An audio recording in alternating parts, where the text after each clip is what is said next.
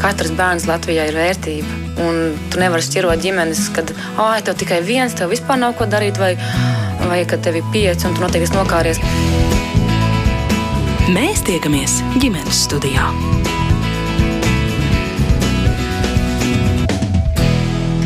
Labdien! Daudz šodien atskatās mūsu tautas vēsturē, lai atgādinātu sev un savējiem, cik svarīgs bija 4. maija pirms 32 gadiem, kad tika atjaunot Latvijas neatkarība. Krāsaināk un cilvēciskāk par šo spēj stāstīt ļaudis, kuri paši to piedzīvoja, jo tie varbūt arī stāsti, kā mēs to laiku dzīvojām kā bija iekārtots mājas, kā cilvēki ģērbās, ko lika galdā, un tieši uz šādu personisku vēstures atcerēšanos šobrīd aicina arī Latvijas Nacionālais vēstures muzejs, rosinot tik vienu dokumentēt un saglabāt liecības par 20. gadsimta un 21. gadsimta sākuma ikdienas dzīvi Latvijā. Dzīvesveidu, kuru vēl atceras pašlaik dzīvojošās paaudzes, bet kurš pamazām sāk izzust no mūsu sociālās atmiņas.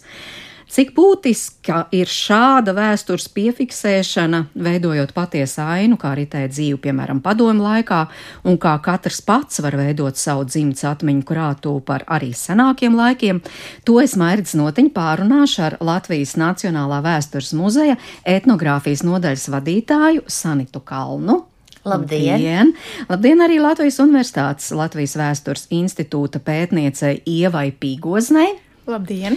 Un arī Dzēna Latvijas Universitātes literatūras, folkloras un mākslas institūta pētniecei, arī rakstniecei Sanitai Reinsonai. Labdien! Un tātad jauns sabiedrības iesaistas projekts Gadsimta stāstī, kā Latvijas Nacionālā vēstures muzeja iniciatīva. Precizējiet šo ideju, lūdzu.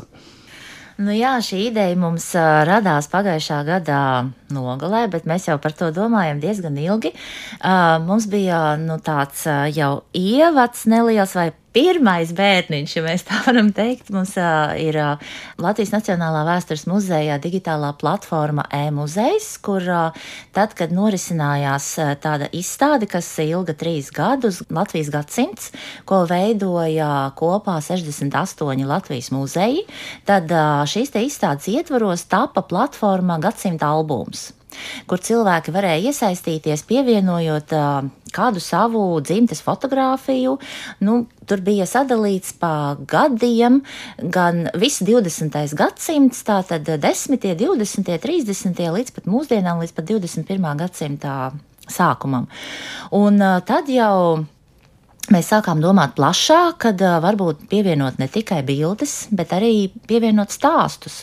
Un uh, nevis tikai tāpēc, lai šo platformu padarītu tādu plašāku un uh, cilvēkiem varbūt interesantāku, bet arī tāpēc, ka tādas nu, plašas informācijas vākšanas, vismaz muzeja ietvaros, par 20. gadsimtu, īpaši par 20. gadsimtu otru pusi, nav notikusi.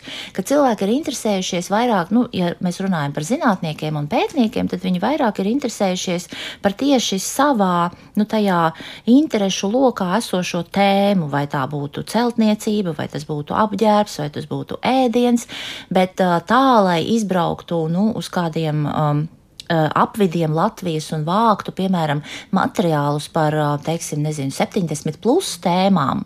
Nu, tāda materiāla vākšana pēc otrā pasaules kara nav notikusi. Mm -hmm. 70 plus atšifrējot. Nē, nē, nē, 70 plus, nē, 70 uh, tēmas kā tādas. Ah. Jo tad parasti pētnieks vāc nu, kaut kādu vienu, divas vai trīs sevi interesējošās tēmas, bet, piemēram, 20. gadsimta pirmajā pusē līdz otrajam pasaules karam notika tā, ka muzejs kopā ar folkloras krātuvi un arī valodas institūtu un arī citiem ārvalstu kolēģiem izbrauc ekspedīcijās uz vietas, piesaistot arī Mākslas akadēmijas un uh, universitātes uh, talantīgākos studentus. Viņi bija apmēram 20 vai vairāk cilvēki, sadalījās pa grupiņām un apmeklēja vietējās mājas. Tad viņi pierakstīja, zīmēja, fotografēja par visdažādākajām tēmām, sākot no celtniecības līdz interjera priekšmetiem, par tradīcijām, par lauksaimniecību, par nu, visu, ko mēs varam iedomāties, kas saistās ar cilvēku ikdienas dzīvi. Un šie materiāli, kas ir mūsdienās muzejā glabājas, viņi ir apmēram 80 tūkstoši. Uh, tur ir gan zīmējumi, gan fotografijas, gan apraksti. Un uh, mums šis priekšstats par laika posmu no 19. gadsimta apmēram vidus līdz 20. gadsimta vidum ir diezgan nu, plašs un vispārīgs, bet tieši otrādi par 20. gadsimta otru pusi ir diezgan fragmentārs. Mums ir ļoti daudz priekšmetu, bet stāstu nav.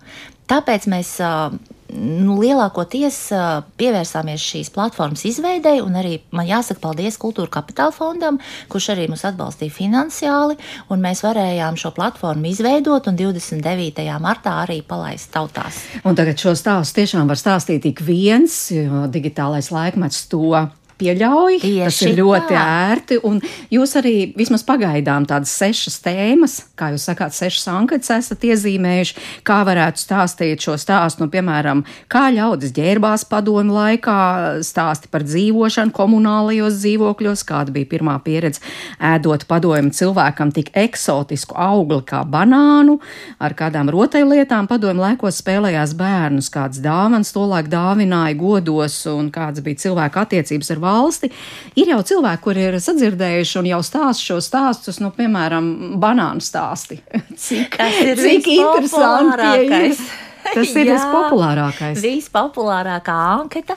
Nu, mēs minam arī, kāpēc tas tā ir. Varbūt tāpēc, ka tur ir tikai viens jautājums, jo anketas ir dažādas. Tur ir gan viena jautājuma anketa, gan uh, desmit jautājumu, piecu, patsmit jautājumu anketa. Nu, protams, pie patsmit jautājumiem būs jāsēž ilgāk, bet uh, tas, protams, būs varbūt interesantāk. Bet viena jautājuma anketa, nu, tas ir ātri atbildāmi, un arī ar pirmo banānu, es domāju, cilvēkiem saistās nu, diezgan spilgtas atmiņas un tad viņi ar tām arī var dalīties. Ko viņi raksta? Raksta par to, ka uh, ir vīlušies, jo ir bijis tas mīts par to, ka kāds būs tas banāns. Un parasti cilvēki viņus nopērk zaļus, nezina, ka ir jāgaida, kamēr nogatavojās. Un tad, kad apēd, tad domā, ka garšo pēc ziepēm vai vēl kaut kā citādāk, un tā kā ainu nē. Un pietika ar vienu, un tagad vēl ilgam laikam nevajadzēs. Un tad, piemēram, tā kā es savu māmu arī nointervēju par šo pirmo banānu, tad viņi tā arī teica, nu, otro banānu es jau ēdu tikai brīvās Latvijas laikā. Jā, bet par rotaļlietām, piemēram.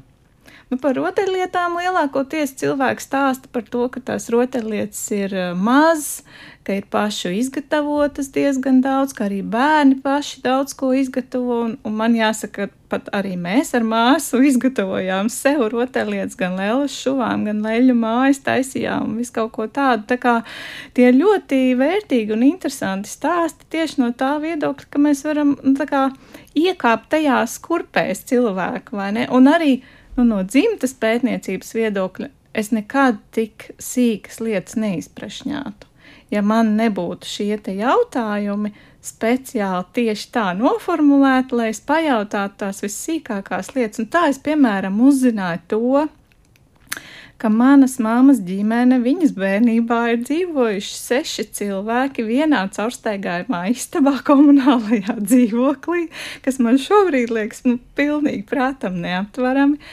Bet, nu, kā es to būtu citādāk uzzinājusi? Jā, vai arī attiecības ar valsti, piemēram, it kā jau stāsta, bet varbūt jaunākajai paudzei grūti saprast, kā tas bija, ka viss stājās oktobrēnos vai pionieros. Un... Jā, nu, es esmu dzirdējis no vēstures skolotājiem, kuri saka, ka eh, tad, kad bērniem pastāsta par čeku skolā, tad bērni saka, bet ja jūs zināt, ka jums čeka seko, kāpēc jūs neziņojāt policijai? Un tad to domāšanu, lai saprastu, kāpēc bija tā, kā bija, to jau var dabūt tikai no šīm personiskajiem stāstiem. Jo citādi mums pretī ir tikai kaut kādi arhīvu dokumenti un viss. Un, ja, nu, ja nav tā personiskā stāsta, tad nav. Sanita, jūsuprāt, cik būtiski ir, ka ir šie personiskie stāsti visiem pieejami? Um, nu, protams, tas ir ļoti svarīgi, bet man liekas, pats svarīgākais ir to stāstīt arī dzimtā. Uh, ļoti labi, ka tie ir dokumentēti, ka tie glabājas krātuvēs, bet ir jāstāsta bērniem. Ir jāatrod laiks sarunām, vai tas būtu pie galda, kādās svētku vakariņās vai pusdienās, vai ieviešot kā rituālu vakarā nelielu stāstīnu, gulēt, ejot, izstāstot vai nu par savu bērnību, vai par savas mammas bērnību. Nu, tādas nelielas epizodes, un bērni atcerās pārsteidzoši labi. Un reizēm ir tā, ka tēti, tu jau simto reizi stāsti šo stāstu. Tas ir ļoti labi, jo tad, kad tēvs vairs nebūs, mamma vairs nebūs, tad šie stāsti būs tie, kas veido priekšstatu, atmiņas par viņu, ko mēs jau tālāk nodosim saviem bērniem. Un šķiet, ka svarīgi ir arī stāstīt ne tikai notikumus, bet arī par cilvēkiem kā tādiem. Kāda bija tava vecmāmiņa? Skaties fotogrāfiju, sāst, jā, viņa bija silta. Jā, kas tev palicis prātā? Jo uh, nu, fotografijas pašas nerunā, mēs redzam cilvēku vaipas un tā, bet tieši tās raksturiezīmes, kaut kādas nelielas epizodes, kas veido to tavas dzimtas izjūtu, tas ir ļoti svarīgi. Un pie tā vajag piedomāt, un es pat ieteiktu tiešām ievest rituālu, ģimenes stāstu rituālu. Un tiem stāstiem nav jābūt kaut kam ekskluzīvam, sensacionālam, vienkārši pastāst, kā, kā tu augi, kāda bija tava bērnības sapņi, rotaļas, kā tu ģērbies.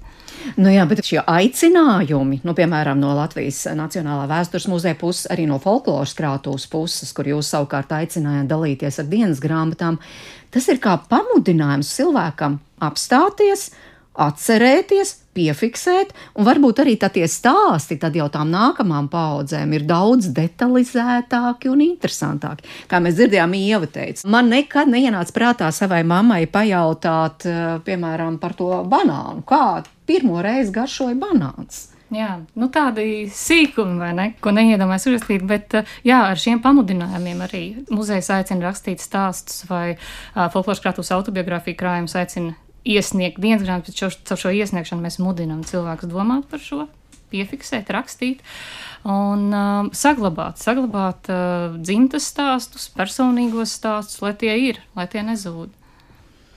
Un tās formas ir dažādas, jo te jau izskanēja, piemēram, viena forma ir šī anketēšana, un pēc tam atbildēšana izskanēja arī fotografijas, jo bieži vien arī, piemēram, albumā ir fotografija, bet nav tā apraksta. Bet kas tad tur īsti ir, īpaši par senākām fotografijām domājot? Vai dienas grāmatas, piemēram, vai vēstules, ļoti dažādi. Nu, noteikti būtu, ja, ja mēs tā varam rekomendēt, jāpadomā, kā sakārtot savu arhīvu. Nu, ir tiešām mājās, kas glabājas fotografijas no vecās mammas vai mammas vai tēta, kamēr ir iepriekšējās peldas, kamēr mamma ir dzīva, vecmāma dzīva, sarakstiet, apsēdieties, vienkārši atrodiet laiku un sarakstiet albumā, kas ir redzams, jo nākamā paudze to nezinās.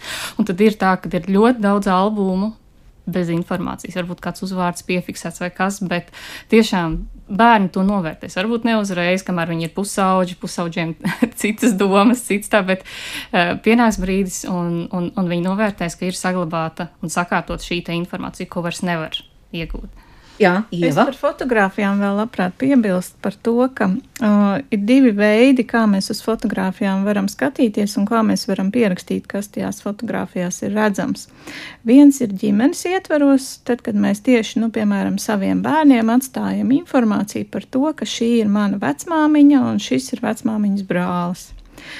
Un uh, otrs ir tad, kad mēs atstājam šo informāciju ne tikai ģimenei, bet vispār. Un tad vairs nav svarīgi, vai tā ir vecmāmiņa vai vecmāmiņas brālis, tad ir svarīgi, kā šo cilvēku sauc, dzīves gadi šim cilvēkam, kur viņš ir dzimis, kad viņš ir dzimis, kad viņš ir miris iespējams, un uh, nu, tāda informācija, kas būtu par šo cilvēku kā nepazīstamu cilvēku, kāda bijusi viņa profesija. Vai kaut kas tāds, ja, ko mēs varam nodot tālāk. Un tad šīs fotogrāfijas paliek vērtīgas arī ārpus dzimtas. Un tad, ja viņas nonāk, piemēram, kādreiz muzejā vai vēl kaut kur, viņas pat ir ļoti vērtīgas. Vēl kāda piebilde no muzeja puses tiešām kā šo pašiem arhivēt, dokumentēt, lai varētu pēc tam pēc iespējas kvalitatīvāku informāciju nodot tālāk.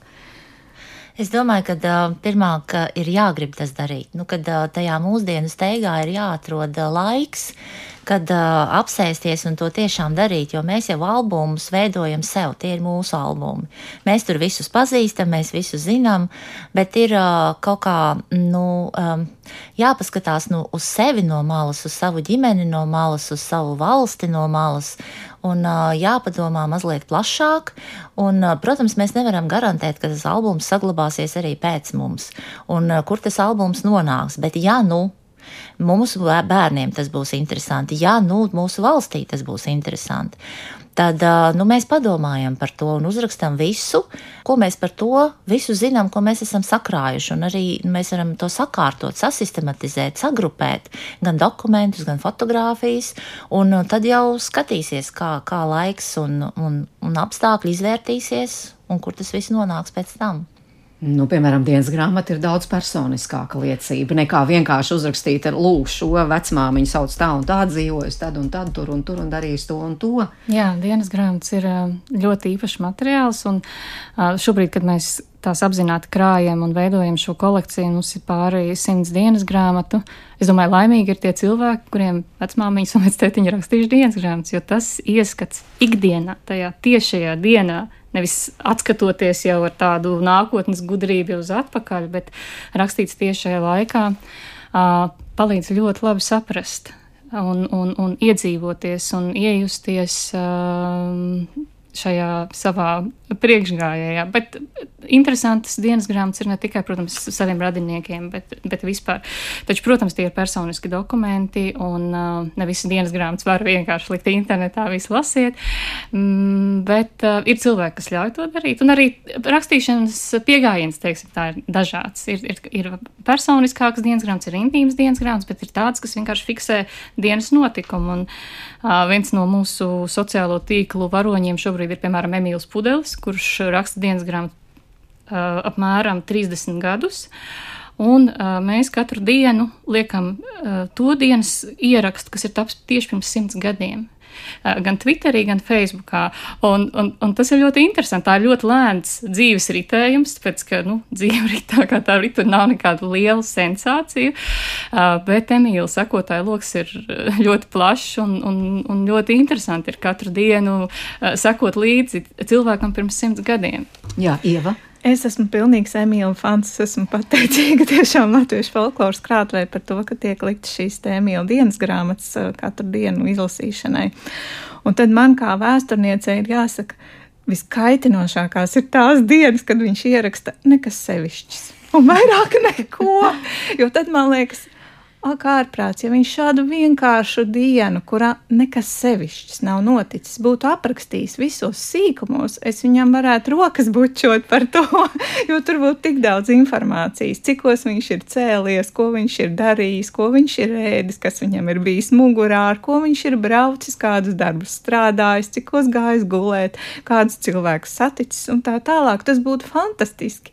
Tā kā, ja vien jums ir iespēja rakstīt pēc iespējas plašāk un pēc pēc iespējas vairāk, jo tas vienmēr noderēs nākotnē tiem, kas vēlēsies šo laiku pētīt. Jo laiks mainīsies.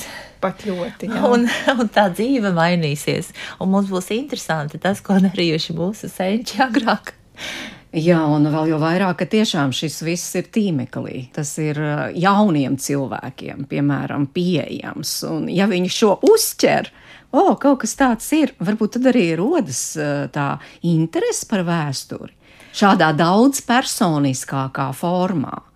Jā, mēs pavēstīt. esam centušies gadsimta stāstos iekļaut arī tādas anketas, kuras der praktiski jebkura vecuma cilvēkam. Nu, varbūt uh, sākot ar, ar vidusskolnieku un uz priekšu, jebkuram derīgas. Nu, kaut vai par to jūs pieminēto bērnības rotaļlietu. Cilvēks jau var atcerēties, jau var uzrakstīt, kāda šī rotaļlieta bija, vai vairākas, kas bija mīļākās un tā tālāk. Un tad pēc tam jau viņš saprot, kā tas materiāls veidojās, kā tas top. Un tad mēģināt, varbūt intervēt vai pajautāt vecākai paaudzei, vecvecāku paaudzei, un, un varbūt arī sagatavot kādu ierakstu gadsimta stāstiem. Jā, šī paudžu miedarbība, domājot uh, un atceroties mūsu vēsturi, mūsu valsts vēsturi, ir patiešām ļoti, ļoti būtiska. Un to jums šodien atgādina ģimenes studijas viešņas Sanita Kalna no Latvijas Nacionālā vēstures muzeja, Ieva Pīgozne no Latvijas vēstures institūta un Sanita Reinsone no Literatūras folkloras un mākslas institūta ģimenes studija. Bet uh, visi šie materiāli, ja tiešām tādi ir ģimenes rīcībā, tad tie lieliski nodara arī dzimtes uh, vēstures pētīšanā. Un par to mani, un es ceru, arī klausītājus pārliecina Ilze Zvaigzne. Viņa ir ilgadēja dzimtes vēstures pētniece, un lūk, viņa dalās savā pieredzē. Klausāmies! Man vislielākā pateicība ir manam opam un arī omītei, jo opa bija ļoti daudz salicis mūsu dzimtes koku kopā, un es viņu ieraudzīju, un tad man radās interesi, kas tie ir pa cilvēkiem tajā kokā. Un tad tie stāsti pamazām nāca. Un tad arī Opaps ieraudzīja to manu interesi. Un viņš ar vien vairāk man kaut ko deva no tās visas informācijas. Un tad viņš kādreiz teica, zini, tās lietas, kas attiecas uz dzimtu, es kādreiz nodošu tev, jo es redzu, ka tev tā interese ir. Mēs esam pietiekami daudz, viņam mazbērni un mazmazbērni bijām. Lūk, un viņš teica, es nodošu tās lietas tev. Un tad es domāju, ok, es zinu, ka tur ir tāds pierakstu klads ar atmiņu stāstiem un visādi dati un tā tālāk. Bet es domāju, nu, varbūt man izmantot, kamēr viņš vēl ir ar mums. Un tad es pirms gadiem, kādiem 16, es vienkārši vienas brīvdienas no Ziemassvētkiem līdz jaunam gadam veltīju tam, ka es viņu aicināju uz kādām kā intervijām. Man sanāca apmēram 8 stundu materiāls, un no viņa reāli nebija daudz ko izgriezt, jo tā visa bija vērtība, ko viņš izstāstīja. Un joprojām man kaut kas ir vajadzīgs Es uh, noskatos kaut kādu fragment par to vecmāmiņu, vectētiņu vai ko, un, un pat izkonspektēju, un man ir ļoti daudz informācijas no tā ieraksta. Un tas, ko es daru jau dažus mēnešus, es rakstu savas dzimtas stāstu grāmatu. Es sev tādu mērķi uzliku, lai es līdz tās grāmatas rezultātam kaut kad nonāktu, ka man vajadzētu uzrakstīt nedēļā vienu stāstu.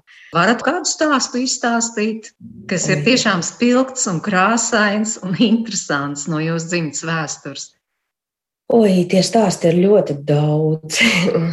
nu, varbūt viņš nav krāsains un spilgts, bet tāds mm, manas dzimtes varbūt vērtību apliecinātais stāsts par to, ka mans vecvectēvs, Opapa tēvs, otrā pasaules kara gados palīdzēja izglābties dažiem ebrejiem, un vienu viņš slēpa savas mājas pagalmā, nevienam no dzimtas to nezinot, no ģimenes, un tas nāca uh, gaismā tikai vēlāk. Un tas vīrietis, ko viņš izglāba, pārējie viņa ģimenes locekļi tika likvidēti, kā mēs vēsturiski zinām, bet viņš nodibināja vēlāk jaunu ģimeni. Un mūsu tās ģimeņu draudzības saites turpinās joprojām paudžu paudzēs. Ir piemēram arī par opapu gaitām, cik viņš sev atcerās no bērnības, ja, kāds viņš bija.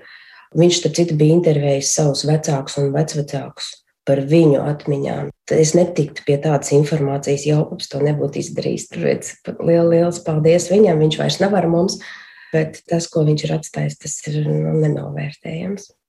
Ir arī stāsti, piemēram, par padomi laiku.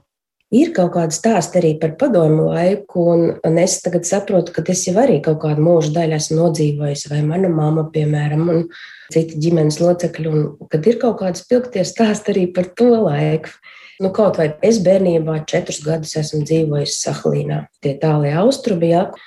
Kāpēc es tur dzīvoju? Tāpēc, ka vecāki bija jauni, viņiem bija izdevīgs darba piedāvājums, tēvs bija meliorators, un Tur vajadzēja šajā profesijā cilvēkus, un darba apstākļi nebija nekādi smalkie, jo tur viss pirmais stāvs aizsniedz, un cilvēkiem uz darbu ejot jāatrok eja bija. Ja? Bet uh, atalgojums tur bija ļoti labs priekš tiem laikiem, un no tā es tur nokļuvu. Mama gan uzsvēra, ka mēs esam divi bērni viņai ar brāli, ka viņai bija ļoti svarīgi, lai mēs piedzimstot Latvijā, nevis Krievijā, ja kaut kur. Un tāpēc mēs abi esam dzimuši Latvijā, bet nu, man bija laikam deviņi mēneši, kad es aizbraucu uz Sahlīnu, un brālis piedzima vēlāk, viņam bija laikam četri mēneši. Un tā tie mani četri dzīves gadi ir pagājuši tur. No turienes arī ir interesanti stāsti, jo es esmu atbraukusi atpakaļ un runājusi krieviski kādu laiku. Mana omīte savukārt bijusi nu, Latvijas laiku Sieviete, viņa krievu valodu knapi saprata, viņa noteikti nerunāja, un tad pēkšņi viņa atbrauc mazmeita, kas vervelē krieviski. Tas arī bija tāds varbūt kultūras šoks, bet tas, protams, ātri pārgājis, iegāja atkal latviskā vidē. Jums tas arī interesanti. Ko jums tas pašai dod? Tas dod tādu pārliecību, no kurienes es esmu cēlusies. Jo mēs apzināmies, ka mums katram ir divi vecāki, četri vecvecāki. Tālāk jau tas aiziet jau uz 16. Un kaut kādā septītā paudzē, ja nemaldos, mēs esam 128. Tātad nevis mēs esam, bet mūs ir veidojuši 128 cilvēki. Un kad tu sāc apzināties to, ka tu neesi vienkārši nu, tāds gatavs, vesels produkts ieradies uz zemes, ka tev ir veidojuši tie 128 cilvēki, tad, kad tu sāc interesēties par to, kas viņi bija, no kurienes viņi cēlušies, no kurienes viņi nākuši, tā ir kā cieņas parādīšana tiem cilvēkiem, kas tevi ir veidojuši, manā skatījumā. Un tad, kad tas sāk interesēt, nu, plus mīnus, tiem man varbūt apmēram 30 gadu vecumā tas bija, tad tu apzinājies, ka tu ieej citā dzīves vērtību līmenī, jo tev sāk interesēt mazliet citādākas lietas. Nevis kā paēst, pagulēt, pastrādāt, atpūsties, bet ir kaut kas vairāk, ir kaut kādas vērtības citas dzīvē, kas vispār nav izreikināmas naudā. Jūsu bērni arī interesējas par šo? Viņi nav vēl sasnieguši to apmēram 30 gadu vecumu, kāds bija man to laiku, kad es sāku interesēties. Un viņi atbalsta to, ko es daru, bet viņi pagaidām saka, nu, ka viņiem nu, nu, tādas intereses nav. Protams, ir lietas, ko mēs kopīgi darām, kur viņi piedalās tajā. Nu, piemēram, mums ir vairāk kārtīgi notikušas tādas kā dzimtas ekspedīcijas, ka mēs kaut kādām vietām ejam pārgājienā, meklējam, kur tās dzimtas mājas bija. Tur arī bijuši visādi interesanti notikumi. Vai pagājušā gadā mēs, piemēram, sakopām dzimtas kapus Tirzā, kur piedalījās mani ģimenes locekļi, tas bija vērtīgs darbs izdarīts, ja, jo viņi gāja tā kā no postā. Un nebija varbūt tāda vērība piegriezt. Un tad, kad es to ieraudzīju, kā tur izskatās, es sapratu, es tā nevaru. Un tad mēs norganizējām to darbu, un tur tika diezgan sakopts, un arī tiks pasūtīts piemineklis.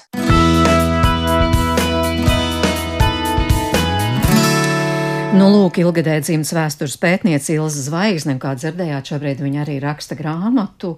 Un, uh, Manuprāt, divas lietas svarīgas, ka tiešām dzimtā ir kāds, kurš uzņem šo iniciatīvu, jo, kā viņa teica, mēs esam daudz, tur māsīts brālēni, bet man ir šī interese un es to daru, un ka tas nav tikai uzzīmēt šo dzimtas koku, tur mamma, tētis, un tad tur bija tik un tik bērni, un zīma mira tad un tad, bet ka ir arī šie stāsti, kas padara tiešām to interesantu.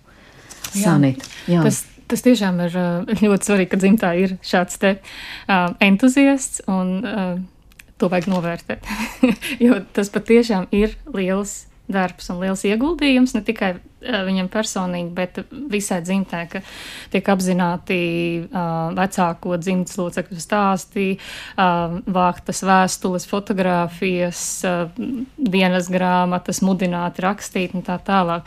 Uh, tas tiešām ir uh, brīnišķīgi, un jo vairāk uh, tāda ir, un mans novērojums ir tāds, ka pēdējā laikā šī kustība kļūst arvien populārāka un, un plašāka, un, un tas tiešām ir lieliski. Jā, gribēju piebilst par to, ka nu, es arī savā dzimtā ļoti daudz intervēju cilvēkus, un, un no sākuma. Nu, Citi tā kā brīnījās, apmēram, nu, kāpēc tā katrā radu sajiešanas reizē tu tur nāc, viss izprešņā, pieraksti un tā tālāk. Uh, ļoti ātri jau viņi pierod pie tā, ka tā ir tā dīvainā vēsturniece, kur visiem šos te jautājumus uzdod.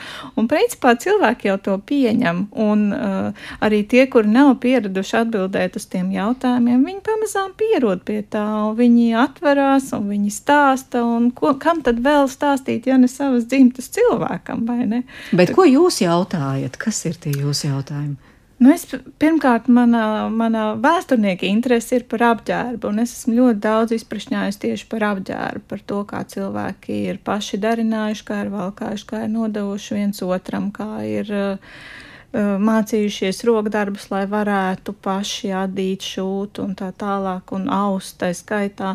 Tā kā nu, par šo ļoti daudz, bet pēc tam arī par citām plašākām tēmām. Tā kā tad, kad mēs strādājām pie gadsimta stāstu izveidas, tad es ļoti labi varēju iejusties tajā situācijā, kā tas ir, ka es izprašņāju savus dzimtas locekļus.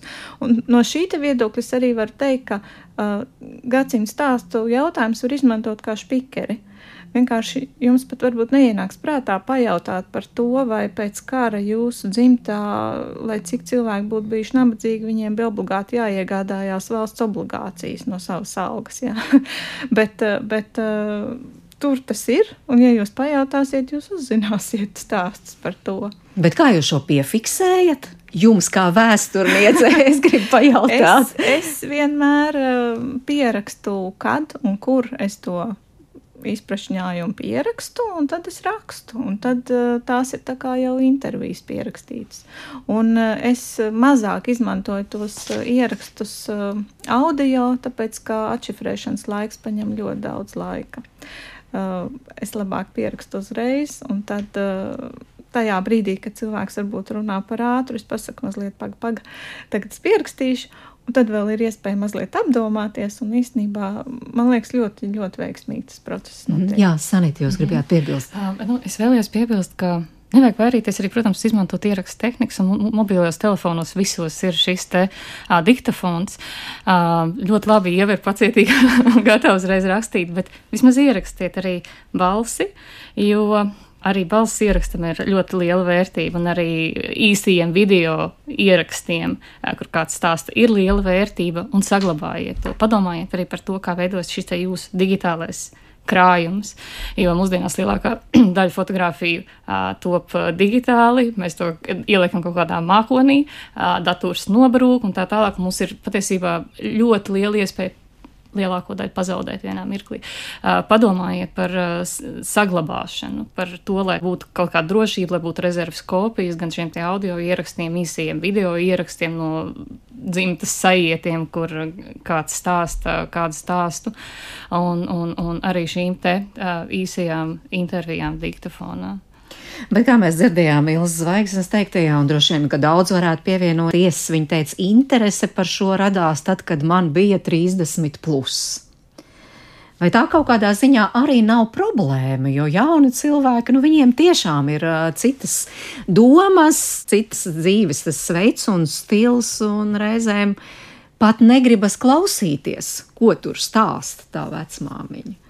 Nu, tāpēc ir man šķiet vērtīgi tādi cilvēki kā skolotāji, kuri var iesaistīties arī šajā procesā. Piemēram, es zinu, ka mūsu klasi iesaistīja bioloģijas skolotāju, un es viņai esmu ļoti lielu pateicību parādā, kad uh, Viņa uz nākamo stundu lūdza uztaisīt uh, dzimtas koku, aiziet pie vecās mammas, pajautāt. Un, nu, protams, tie jautājumi bija, kāda matu krāsa, kāda ir uh, acu krāsa, cik gara auguma, nu, tur vēl bija kaut kādi parametri. Bet man tagad ir kaut kādi divi metri garš papīra rullis, kur ir sazīmēts, es tiešām apsēdos, Oma, man vajag, tas man ir stundai, man vajag. Jo, ja skolēnu neviens nesūtīs, viņam nebūs kaut kāda vēl pievienotā vērtība, viņš jau pats neko nedarīs. Vajag būt tam cilvēkam, kurš ir ar to apziņu, ka tas viņam pēc tam noderēs un ka tas noderēs arī citiem, ka viņš viņam liek to darīt ka tur vajag atzīme, ka tur būs uh, ieskaitīts, neieskaitīts, un tad tas būs, un tad tas taps, un tad viņš aizies pie tās omāmas, nosēdinās viņu blakus un intervēs, kā tad tur ir stāsti, jo man to vajag. Jā, es uh, arī vēlējos piebilst, ka dzimtas koks skolā uzdots. Tā ir patiešām ļoti laba lieta.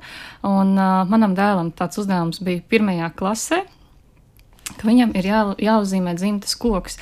Un mēs esam izpētījuši savu dzimtu līdz uzvārdu došanai un vēl tālāk. Un tad šī bija tā reize, kad apstāties un, un izstāstīt, redz, bija Reinis ar kaču, un viņa dēli paņēma uh, Reņa uh, vārdu savam uzvārdam un kļuva par Reimsoniem. Un, tad, un, un pierakstot visus uh, Kristīnes un Dāvjus, un kas iet paudzēm tālāk šie tiešie senči, viņam rodās apjausma, jā, es, es esmu daļa no kaut kā no tāda, kas iet dziļumā. Mm. Un jā, bija Protams, bija slinkums, ka man ir tik gari jāraksta, jo man taču teica, ka tur vajag līdz vecmāmiņai tikai vai kā, bet tas iesēžās. Un, un, šā, un caur šo dzimtas koku tiešām mums veidojās ļoti laba izpratne uh, jaunākam dēlam par to, no kurienes viņš nāk, kas ir viņa uzvārds. Ģimenes studiju šodien arī gribu uzteikt uh, kādu skolotāju, kuram pašam ir liela interese par dzimtas koka veidošanu,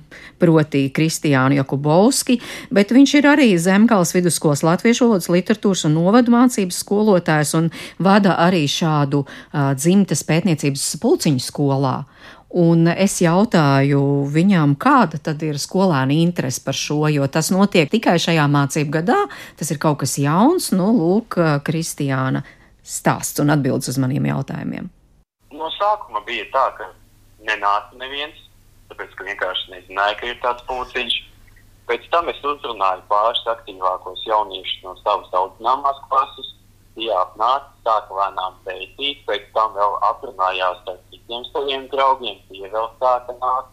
Nu, vienā nodarbībā bija tā, ka man pietrūka datorklasē datori, jo bija ieradušies 16 skolēni. Un, uh, katram vajadzēja iet klāt, kaut ko ieteikt, kaut ko palīdzēt. Uh, protams, tagad tā aktivitāte ir mazliet mazāka, jo jaunieši saprot, ka tas tomēr ir ļoti laikietilpīgs pasākums un arī tuvojas mācību beigas, kad uh, visi ir piekusuši no mācībām. Tad ir tādi, kuri paši kā mājās pēta to saimnes koku un tad nāk pie manis vaicāt pēc padoma. Tā kā interese no skolēnu puses patiešām ir ļoti liela. Bet kā jūs ieinteresējāt jaunos cilvēkus pievērsties tādai ļoti laikietilpīgai un uh, pacietību prasošai darbībai vai darbam? Nu, viss sākās ar to, ka es skolēniem parādīju savu saimnes koku un uh, izstāstīju, ka arī es sāku pat būdams jaunāks par viņiem to pētīt. Un uh, viņus tas ļoti iedvesmoja, ka vairāku gadu laikā man ir izdevies arī pašam atrast cenšus, kuri ir dzimuši ap 1600. gadu. Un, uh, tas, ka manā saimnes kokā ir jau gan 3000 cilvēku.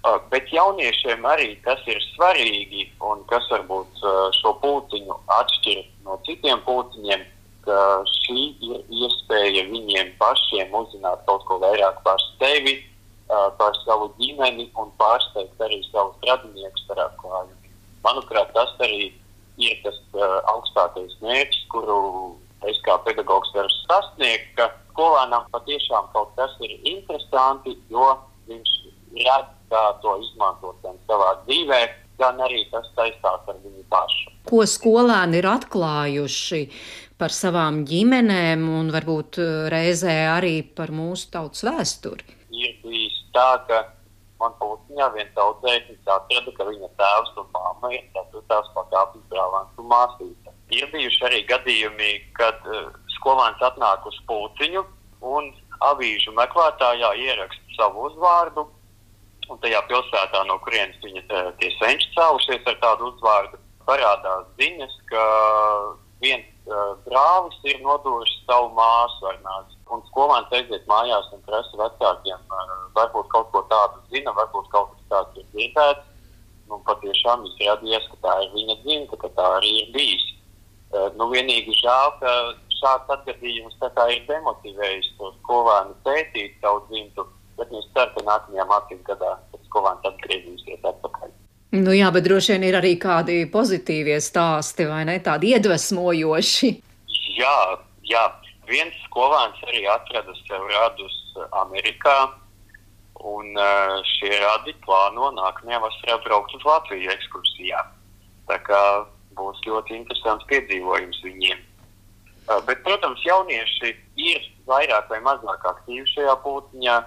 Un uh, pašam čaklākajam pētniekam, manuprāt, šī mācību gadu laikā ir izdevies atrast ap 600 radu laika posmā no 1800. gada līdz mūsdienām.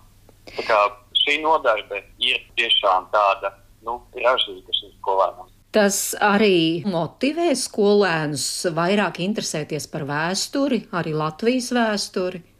Protams, protams šajā dzimta pētniecībā skolēni no sākuma sāk ar to, ka strādā ar dokumentiem, un tad viņi jau vēlas kaut ko vairāk uzzināt, piemēram, par saviem vecākiem vai viņu vecākiem. Tad viņi arī salīdzina, kādi notikumi ir notikuši tajā laikā, kad šie cilvēki ir dzimuši. Tādā veidā viņi arī mēģina rekonstruēt to savu senču dzīves, ko viņi ir darījuši konkrētā laika posmā, kā viņus ir skāruši kaut kādi notikumi. Tā kā jā, viennozīmīgi, ka jaunieši tas motivē apgūt arī vēsturi padziļinātāk.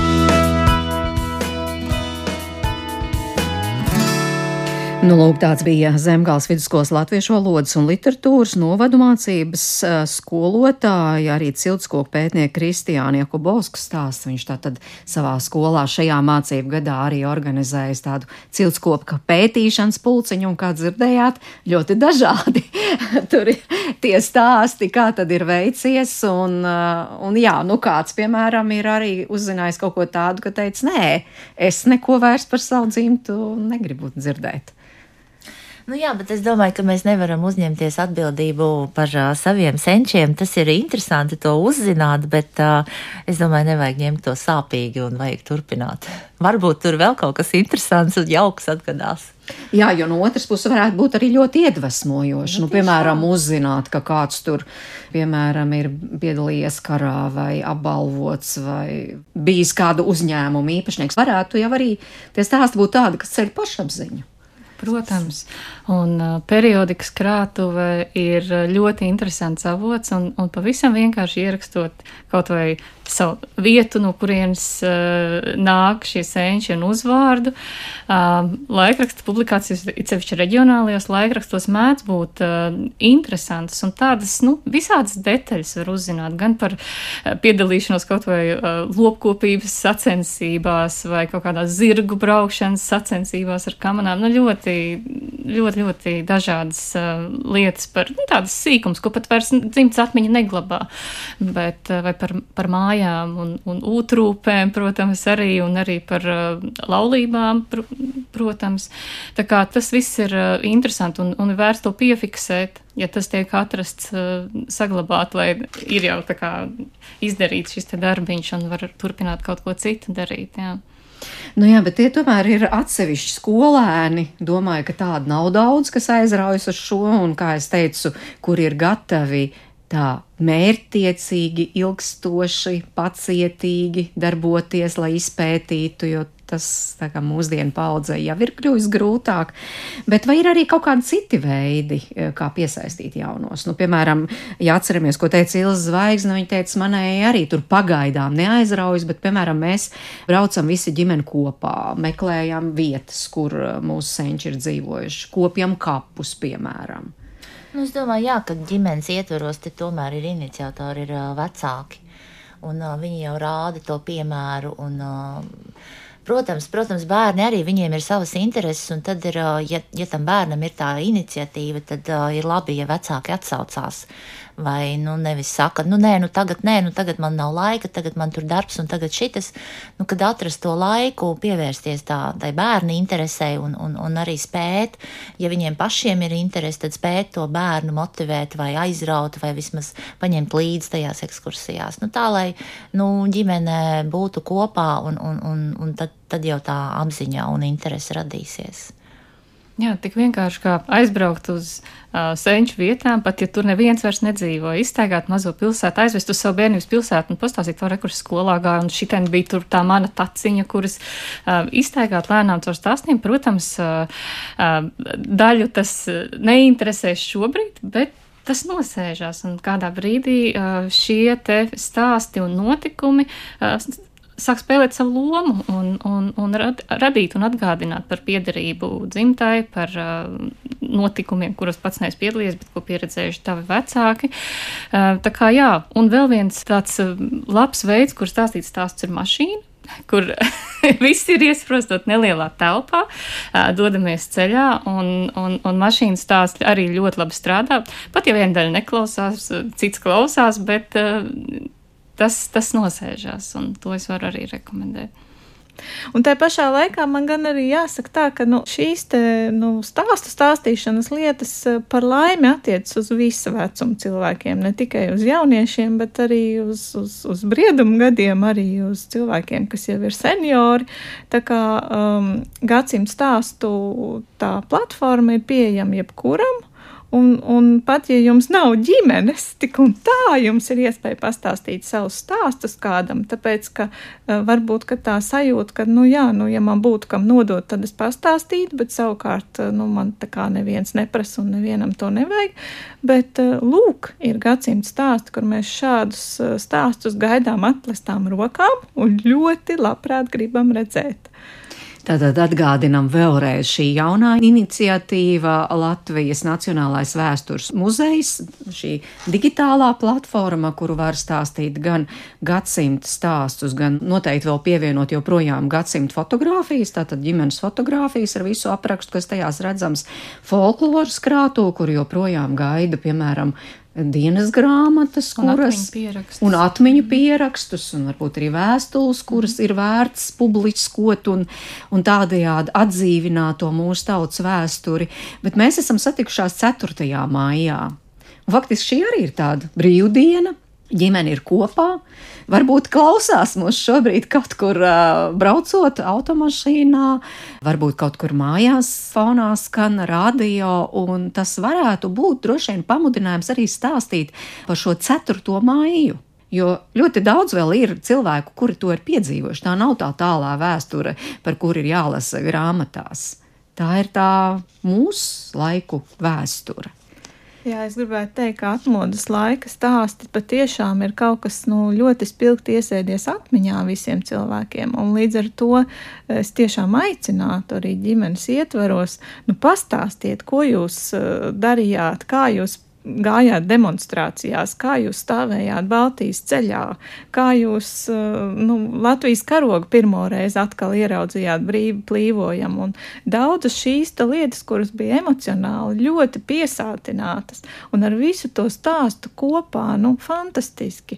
Es atceros, es uh, lasīju lekcijas uh, kultūras akadēmijā, un uh, tieši bija kaut kāda augusta puča atcere vai kaut kas tam līdzīgs tur. Un, Un pēkšņi tie, tie cilvēki saka, ka viņi tā īsti pat nezina, kas tas ir. Un es sāku stāstīt ar to visu emocionālo piedevu, ka jā, un tad mēs skatījāmies pa televizoru, un tad tur tas, un tad tur tas notika, un tā. Un viņi klausās atvērtām mutēm, jo neviens tā emocionāli šo grāmatā rakstīto rindkopu nav izstāstījis. Nu, kā jūs ielu, ko jūs izstāstīt no pašas pieredzētā par 4. māju? Uh, 90. gadā man bija um, laikam 15 gadi, un pie mums bija atbraucis uz skolu vācu koris. Un tāpēc 4. maijā mēs ar šo te kori kopā nu, kaut ko darījām, neatceros ko, bet toties 3. maijā gan es stāvēju pie augstākās padomas un piketēju, un man rokās bija plakāts Latviešu zēni pieder Latvijai, tāpēc, ka es biju organizācijas biedrs, kura cīnījās pret to, ka padomju armijā tiek iesaukt latviešu puiši. Sanita Rēnsona. Jā, nu, man ir tāds pavis, pavisam blāvs atmiņas par 4. maiju, bet tas, ko es noteikti, un ko es arī saviem bērniem stāstu, ir par savu Baltijas ceļu pieredzi. Mēs dzīvojam mazpilsētā Masalacā, mēs devāmies uz Igaunijas robežu, un man tas bija ārkārtīgi satraucoši. Nu, nevis tāds pacilājošs, bet tieši tāds biedējošs diezgan notikums, jo man es laiku tajā lielajā pūlī bija bail pazaudēt savu tēti, un, un tas, ar ko es nodarbojos Baltijas ceļā, būtībā visu laiku vaktēju gan Masalacas autobusu, gan tēti, un tur bija milzīgi daudz cilvēku, un, un nu, tādam lauku bērnam tas bija ļoti neierasti, un, un, un tā. Tas ir tas, man tāda personīga pieredze no atmodas laika, ko es bērniem stāstu. Jā. Sāni Kalna, mēs te, protams, esam dažādas paudzes, bet vai nu savas vai dzirdētas? Man gan nebūs atmiņa par 4. māju, bet uh, man viss tas laiks uh, asociējās ar nu, barikādas un, un tā. Un es, uh, protams, gāju skolā, un uh, es atceros, kad uh, mamma vienu dienu pārnāca mājās un teica, ka ir puķi. Es, protams, nesapratu, ko tas nozīmē, bet es sapratu, ka tas ir slikti. Un, un tad es atceros, ka arī nu, televizors beidza rādīt, un tad bija vēl lielākas šausmas. Un viss tas laiks asociējas ar tādu nepārtrauktu stresu un tādām bailēm par sevi. Nē, bet par vecākiem. Nu, viņi it kā uztraucās, un es redzu, ka viņi cenšas neuztraukties, lai mani neuztrauktu, bet es visu laiku uztraucos par viņiem. Un es atceros, es tādus svārkus vēl šuvu pati, nu, toreiz negāju zvejot. Nu, tā arī paši mēs šo to šūt. Un es spilgti atceros, kādi viņi bija, ko es tur darīju. Pilnīgi līdz sīkumiem. Un, un ka tās visu laiku tās nepārtrauktās bailes, uztraukums, un tad, kad tas viss beidzās, fuh, nu tad, tad bija labi. Nu jā, un ja šo piefiksē, tad tā vēsture kļūst dzīva. Jā, tad viņi kļūst emocionāli, jo mēs jau nerakstām savas sajūtas, vai, vai domas, vai tādas klusās emocijas. Tas jau paliek tikai mūsu galvā, tās jau uz papīra nenonāk. Un tad, kad tu to pastāsti, tad tā aina kļūst pilnīga. Ģimenes studija tiešām aicina atlicināt laiku šīm sarunām. Šodien ir brīvdiena, šodien ir 4. maija, šodien gal galā ir arī svētku diena. Paldies! Es saku par sarunu mūsu studijas viesņām Sanitai Kalnai no Latvijas Nacionālā vēstures muzeja etnogrāfijas nodaļas, Ievai Pīgoznei no Latvijas Universitātes Latvijas vēstures institūta un Sanitai Reinsonai no Latvijas Universitātes literatūras folkloras un mākslas institūta. Un atgādinu, ka tā tad raidījuma producenta Ilze Zvaigznes, Mairidz Noteņu bija pie mikrofona un nekas jau nav mainījies. Mēs tiekamies, protams, rīt 5 minūtes minūtes pār diviem, kā vienmēr, un tad mēs runāsim par to, kad un kā reāli iespējam pārēj uz mācībām tikai latviešu valodā visās Latvijas izglītības iestādēs. Tātad tiekamies rīt un sveiciens svētkos un ilgu mūžu Latvijai!